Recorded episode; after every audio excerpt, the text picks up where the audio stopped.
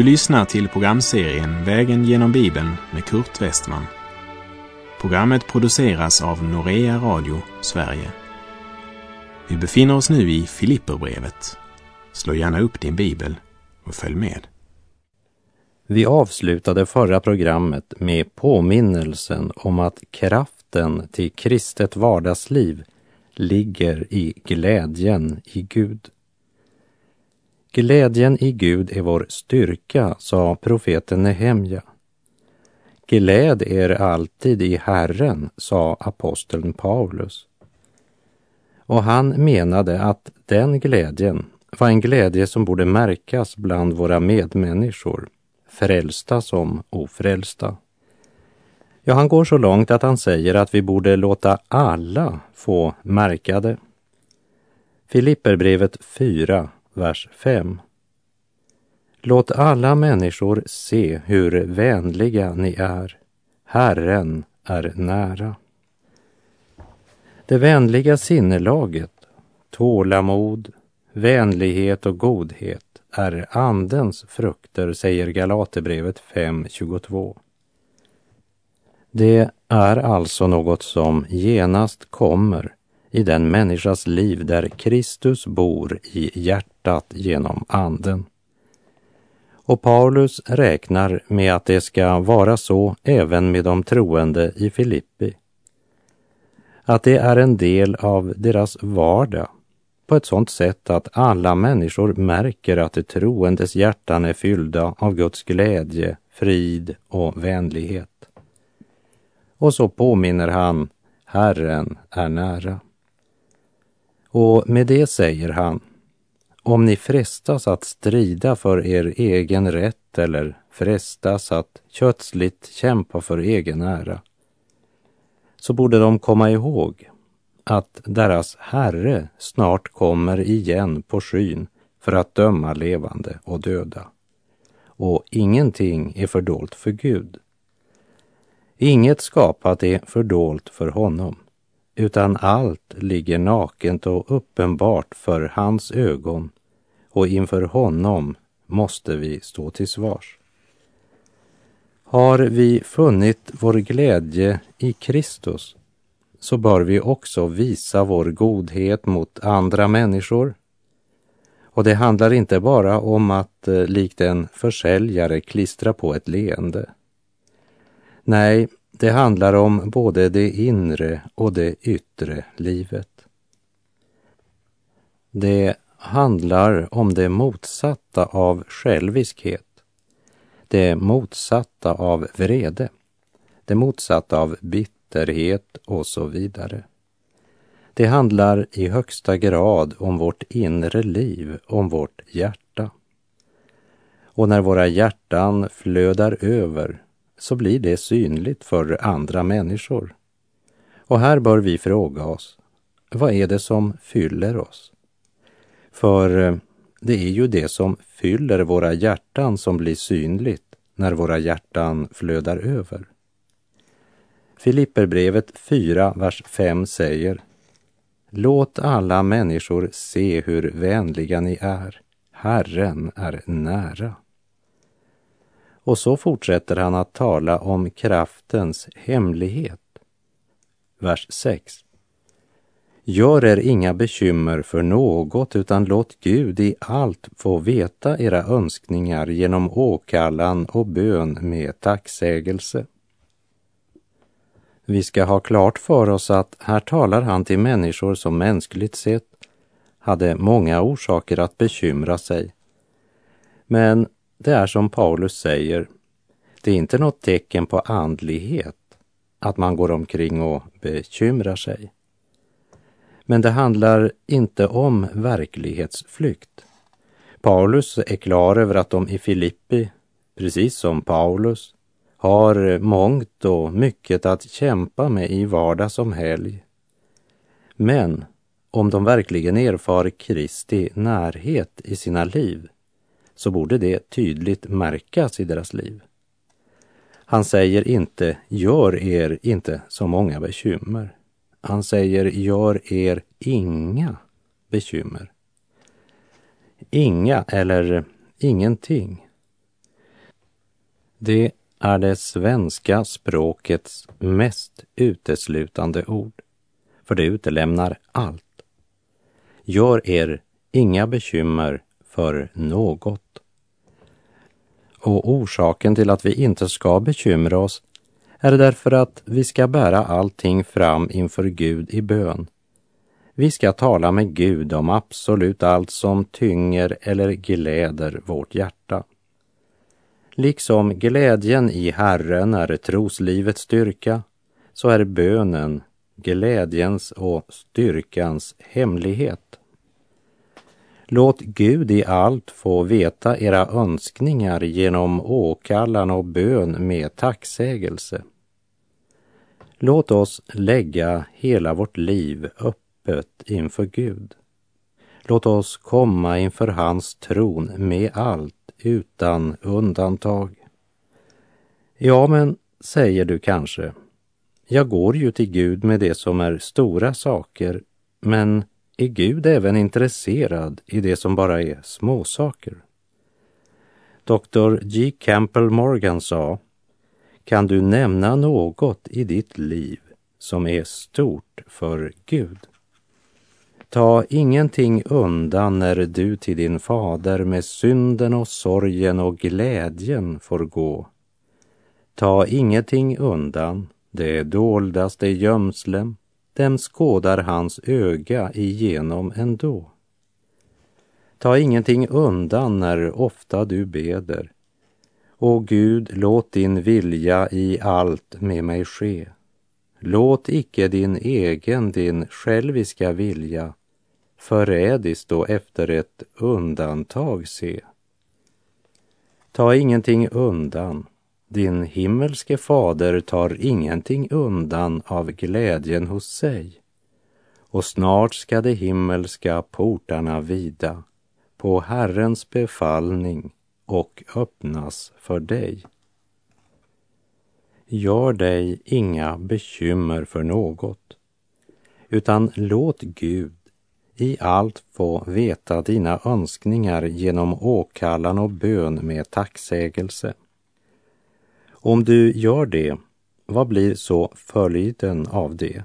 Jo, säger Paulus i Filipperbrevet 4, vers 7. Då ska Guds frid, som övergår allt förstånd, bevara era hjärtan och era tankar i Kristus Jesus. Den frid som övergår allt förstånd, det vill säga den är större än någon människa kan fatta. Den kan inte förklaras, den måste erfaras. Och det sker genom att låta Gud i allt få veta dina önskningar, genom åkallan och bön med tacksägelse. Det är en mycket viktig detalj i Filipperbrevet 4.7 som vi verkligen ska lägga märke till och aldrig, aldrig glömma. Och det är att Guds frid som övergår allt förstånd ska bevara våra hjärtan och tankar i Kristus Jesus.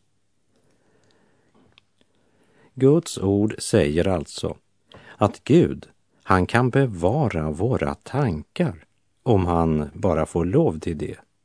Det står faktiskt det. Hör nu noga på vad jag läser om vad som blir följden av att låta Gud i allt få veta våra önskningar genom åkallan och bön med tacksägelse. Filipperbrevet 4.7. Då, då ska Guds frid som övergår allt förstånd bevara era hjärtan och era tankar i Kristus Jesus. Det är alltså ett sammanhang mellan våra böner och våra tankar. Ingenting kan bevara en människas hjärta och tankar som Guds frid, för den genomtränger vårt väsens djupaste grund. Och jag läser än en gång Filipperbrevet 4, verserna 4 till och med 7. Gläd er alltid i Herren. Än en gång vill jag säga, gläd er. Låt alla människor se hur vänliga ni är. Herren är nära. Gör er inga bekymmer för något, utan låt Gud i allt få veta era önskningar genom åkallan och bön med tacksägelse. Då ska Guds frid som övergår allt förstånd bevara era hjärtan och era tankar i Kristus Jesus.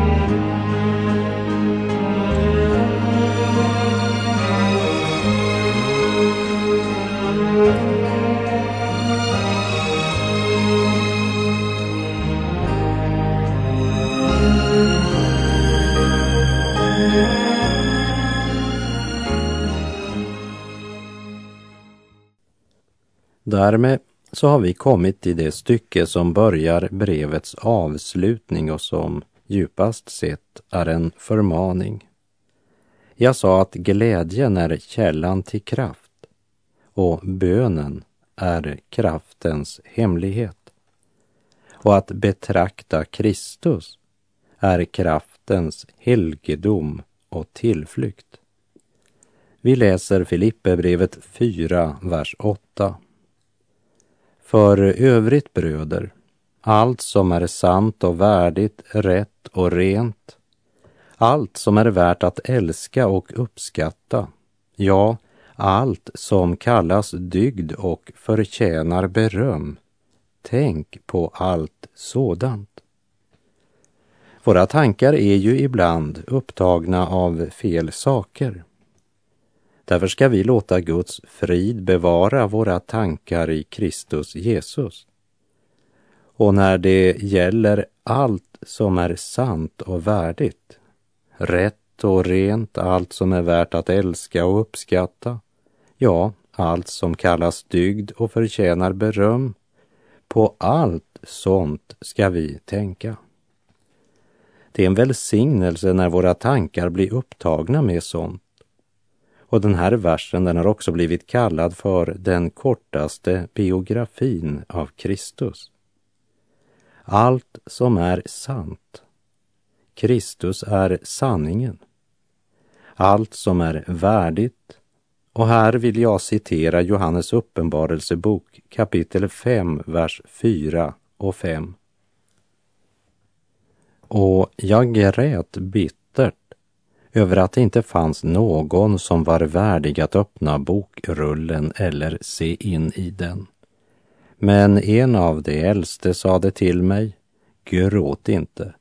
Se, lejonet av Judas stam, Davids rotskott, har segrat och han kan öppna bokrullen och bryta dess sju sigill. Kristus är den värdige allt som är rätt. Kristus kallas för Guds rättfärdighet. Allt som är rent. Kristus är den ende syndfrie. Han är ren. Värt att älska och uppskatta. Johannes första brev kapitel 3, vers 16 säger Genom att han gav sitt liv för oss har vi lärt känna kärleken. Han som gav sitt liv för oss är värd att bli älskad. För det är ju genom honom vi har lärt känna kärleken. Allt som kallas dygd. I Petrus andra brev kapitel 1, verserna 3 till och med 7 säger han Ty allt som hör till liv och Guds fruktan har hans gudomliga makt skänkt oss genom kunskapen om Kristus som har kallat oss genom sin härlighet och ära. Genom dem har han också gett oss sina dyrbara och mycket stora löften för att ni i kraft av dem ska få del i gudomlig natur sedan ni kommit undan det fördärv som på grund av begäret finns i världen. Gör därför allt ni kan för att i er tro visa dygd.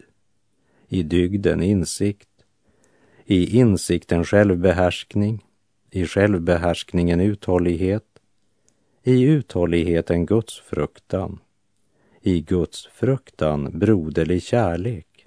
Och i kärleken till bröderna kärlek till alla människor. Samtidigt som det är en underbar biografi på Kristus så är det också en direkt hälsning till de troende i Filippi. Och om vi i varje rum i vårt hus hade en tavla med Filipperbrevet 4, vers 8 så var det nog en hel del som inte skulle bli läst eller sett på tv eller sagt eller tänkt. Du och jag lever i en smutsig värld. Du kan inte vandra på gatorna i någon enda stad utan att bli smutsig. Ditt sinne och dina tankar blir smutsiga. Dina ögon blir smutsiga. Blir du aldrig trött på all orenhet? Om en Jesu lärjunge ska vara upptagen av all orenhet och av allt tvivelaktigt i denna värld så kommer hans liv att vara utan andlig kraft. Orsaken till att vi har så många kraftlösa och svaga kristna är därför att de blivit så upptagna av allt som hör till den här världen och dess liv. I Johannes 14.30 säger Jesus det är inte mycket mer jag kommer att säga er, ty denna världens förste kommer. Mot mig förmår han ingenting. Mot mig förmår han ingenting. I en annan översättning står det han har ingenting i mig.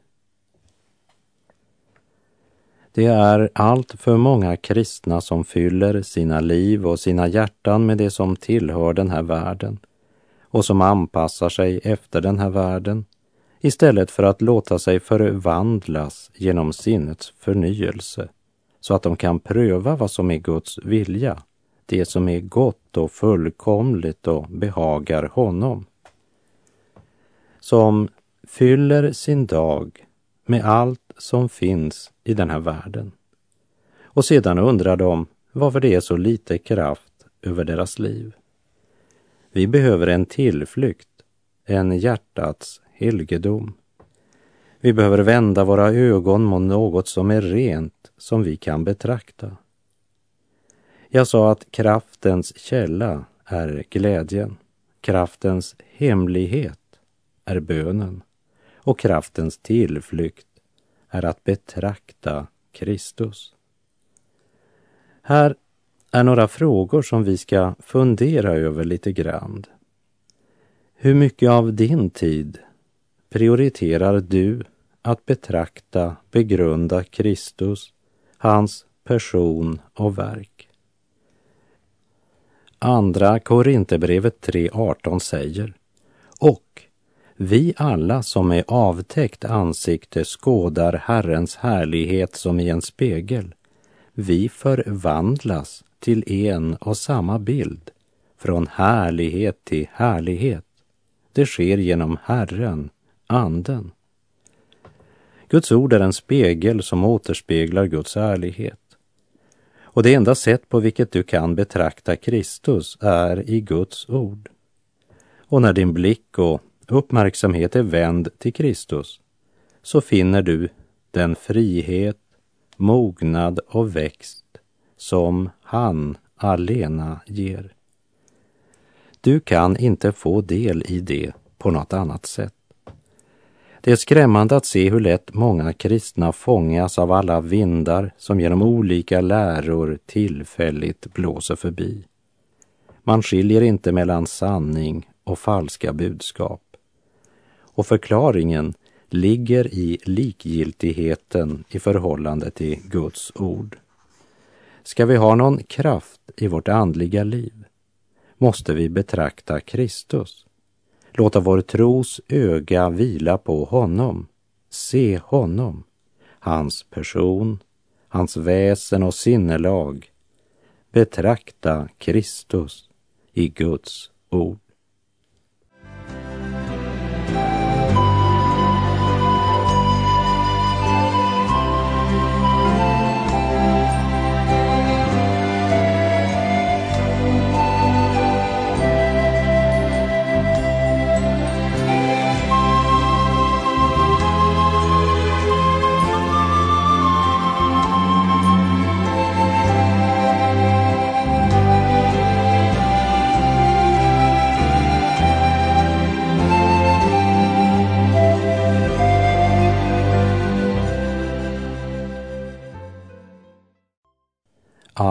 Som är sant och värdigt, rätt och rent.